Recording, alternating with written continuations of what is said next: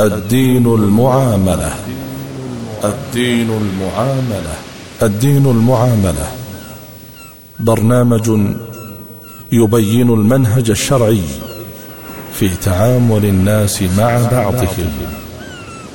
البرنامج من إعداد وتقديم الشيخ الدكتور عبد العزيز بن فوزان الفوزان. البرنامج من تنفيذ جمعان الجمعان. بسم الله الرحمن الرحيم. الحمد لله رب العالمين والصلاة والسلام على عبده ورسوله نبينا محمد وعلى آله وصحبه أجمعين. مستمعي الكرام سلام الله عليكم ورحمته وبركاته. تحدثت فيما مضى عن الحقوق المشتركة بين الزوجين وعن الحقوق الخاصة بالزوجة على زوجها وهذا أوان الحديث عن الحقوق الخاصة بالزوج على زوجته. وفي هذا تمهيد وأربع مسائل وهي اولا طاعة الزوج بالمعروف وثانيا عدم الخروج من بيته إلا بإذنه وثالثا عدم الإذن لأحد بدخول بيته إلا بإذنه والرابع حفظه في عرضه وماله وأولاده. إذا كانت تلك هي بعض الحقوق الخاصة بالمرأة على زوجها، فإن حق الرجل على المرأة أعظم وآكد، وواجبها تجاهه أكبر وأشد، بل ليس على المرأة بعد حق الله تعالى وحق رسوله صلى الله عليه وسلم أوجب من حق الزوج، حتى لقد قال النبي صلى الله عليه وسلم: لو كنت آمرا أحدا أن يسجد لأحد لأمرت المرأة أن تسجد لزوجها من عظم حقه عليها والذي نفسي بيده. لا تؤدي المرأة حق ربها حتى تؤدي حق زوجها. وزاد في رواية لأحمد والنسائي والذي نفسي بيده. لو أن من قدمه إلى مفرق رأسه قرحة تنبجس بالقيح والصديد ثم أقبلت تلحسه ما أدت حقه. وفي رواية أخرى لأحمد وابن ماجه لو أمرت أحدا أن يسجد لأحد لأمرت المرأة أن تسجد لزوجها. ولو أن رجلا أمر امرأته أن تنقل من جبل أحمر إلى جبل أسود ومن جبل أسود إلى جبل أحمر لكان نولها أن تفعل. ومعنى لكان نولها أي لكان حقها والواجب عليها أن تفعل. وعن حسين بن محصن قال حدثتني عمتي قالت أتيت رسول الله صلى الله عليه وسلم في بعض الحاجة فقال أي هذا؟ أذات بعل أنت؟ قلت نعم. قال كيف أنت له؟ قلت ما آلوه إلا ما عجزت عنه. أي لا أقصر في خدمته وطاعته إلا ما عجزت عنه. قال فانظري أين أنت منه فإنما هو جنتك ونارك. والحديث رواه أحمد والبيهقي والطبراني والحاكم وصححه ووافقه الذهبي.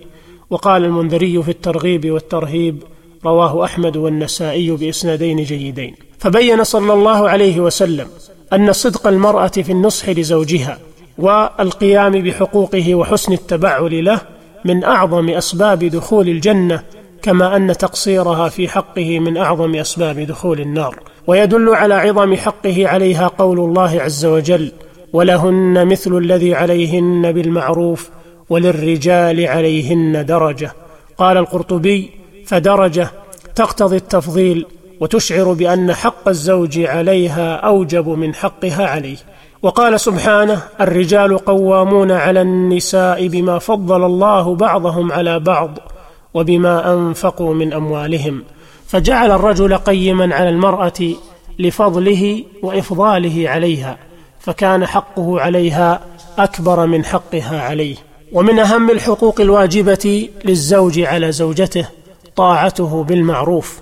قال الله تعالى الرجال قوامون على النساء بما فضل الله بعضهم على بعض وبما أنفقوا من أموالهم فالصالحات قانتات حافظات للغيب بما حفظ الله واللاتي تخافون نشوزهن فعظوهن واهجروهن في المضاجع واضربوهن فإن أطعنكم فلا تبغوا عليهن سبيلا إن الله كان عليا كبيرا. وقد دلت الآية الكريمة على وجوب طاعة المرأة لزوجها في غير معصية الله من ثلاثة أوجه. الأول قوله تعالى الرجال قوامون على النساء والقوامة تقتضي السمع والطاعة وإلا لم يكن لها معنى. والثاني قوله تعالى فالصالحات قانتات والقانتات هن المطيعات لله تعالى ولأزواجهن بالمعروف. قال ابن كثير قال ابن عباس وغير واحد يعني مطيعات لأزواجهن. الوجه الثالث قوله تعالى واللاتي تخافون نشوزهن فعظوهن واهجروهن في المضاجع واضربوهن فإن اطعنكم فلا تبغوا عليهن سبيلا. فهذا صريح في وجوب طاعة المرأة لزوجها وتحريم نشوزها وتعاليها عليه بمخالفته والخروج عن طاعته وأنها إذا قامت بواجبه في الطاعة فلا يجوز له أن يظلمها أو يبخسها حقها.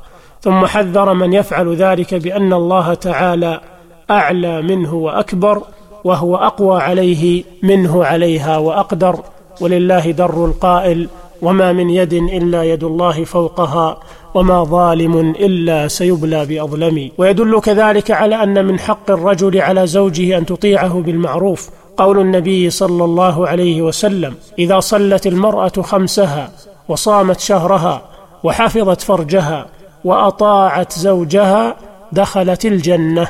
وفي رواية قيل لها ادخلي من أي أبواب الجنة شئت. والحديث رواه أحمد وابن حبان وصححه السيوطي في صحيح الجامع وقال عنه الألباني حديث حسن أو صحيح له طرق. وهذا الحديث دال على وجوب طاعة المرأة لزوجها من وجهين.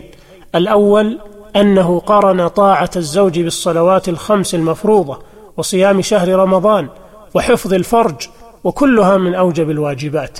الوجه الثاني أنه قرن بين حق الله تعالى بإقامة الصلوات الخمس وصيام شهر رمضان وحق الزوج بطاعته وحفظ عرضه وجعل القيام بالحقين معا شرطا لدخولها الجنة. وهذا كقوله صلى الله عليه وسلم والذي نفسي بيده لا تؤدي المرأة حق ربها حتى تؤدي حق زوجها فدل ذلك على أن طاعتها لزوجها حق واجب عليها. ويدل على ذلك أيضا قوله صلى الله عليه وسلم لو أمرت احدا أن يسجد لأحد لأمرت المرأة أن تسجد لزوجها.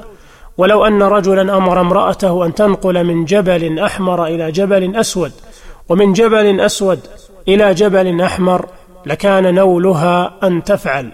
فإذا كان عليها أن تطيعه فيما لا منفعة فيه وهو أن تنقل من جبل إلى جبل فكيف بطاعتها له فيما فيه مصلحة ظاهرة من القيام بأمور معاشه وتربية أولاده ونحو ذلك.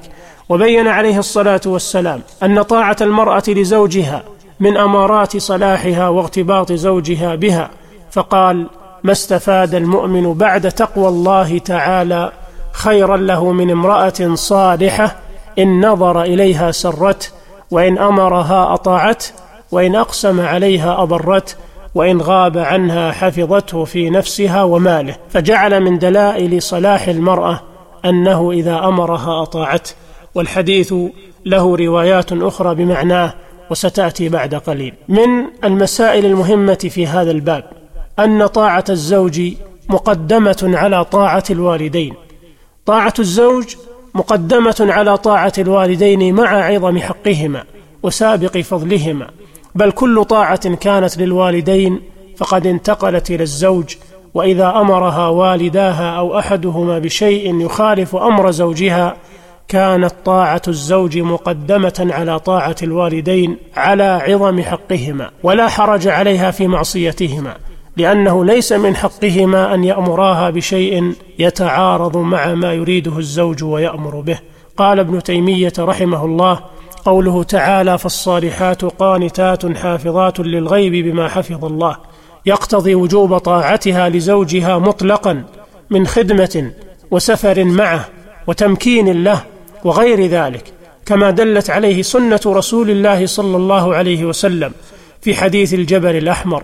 وفي السجود وغير ذلك كما تجب طاعة الأبوين فإن كل طاعة كانت للوالدين انتقلت إلى الزوج ولم يبق للأبوين عليها طاعة يعني إذا تعارضت مع طاعة الزوج.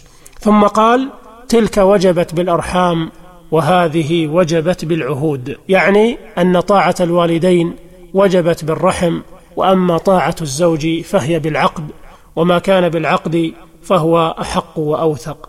وسئل رحمه الله عن امرأة تزوجت وخرجت عن حكم والديها فأيهما أفضل برها لوالديها أو مطاوعة زوجها؟ فأجاب الحمد لله رب العالمين المرأة إذا تزوجت كان زوجها أملك بها من أبويها وطاعة زوجها عليها أوجب. انتهى كلامه. ثم إنه أورد نصوصا كثيرة من الكتاب والسنة تدل على عظم حق الزوج ووجوب طاعته فيما لا إثم فيه إلى أن قال والأحاديث في ذلك كثيرة عن النبي صلى الله عليه وسلم. وقال زيد بن ثابت الزوج سيد في كتاب الله وقرأ قوله تعالى والفيا سيدها لدى الباب. وقال عمر بن الخطاب النكاح رق فلينظر أحدكم عند من يرق كريمته. وفي الترمذي وغيره عن النبي صلى الله عليه وسلم أنه قال استوصوا بالنساء خيرا فإنما هن عندكم عوان فالمرأة عند زوجها تشبه الرقيق والأسير فليس لها أن تخرج من منزله سواء أمرها أبوها أو أمها أو غير أبويها باتفاق الأئمة وإذا أراد الرجل أن ينتقل بها إلى مكان آخر مع قيامه بما يجب عليه وحفظ حدود الله فيها ونهاها أبوها عن طاعته في ذلك فعليها أن تطيع زوجها دون أبويها. فإن الأبوين هنا ظالمان ليس لهما أن ينهياها عن طاعة مثل هذا الزوج وليس لها أن تطيع أمها فيما تأمرها به من الاختلاع منه أو مضاجرته حتى يطلقها. انتهى كلام ابن تيمية رحمه الله. وللحديث بقية في الحلقة القادمة بإذن الله. أستودعكم الله الذي لا تضيع ودائعه. والسلام عليكم ورحمة الله وبركاته. الدين المعاملة. الدين المعاملة. الدين المعاملة. برنامج يبين المنهج الشرعي في تعامل الناس مع بعضهم. البرنامج من إعداد وتقديم. الشيخ الدكتور عبد العزيز ابن فوزان الفوزان. البرنامج من تنفيذ. جمعان الجمعان.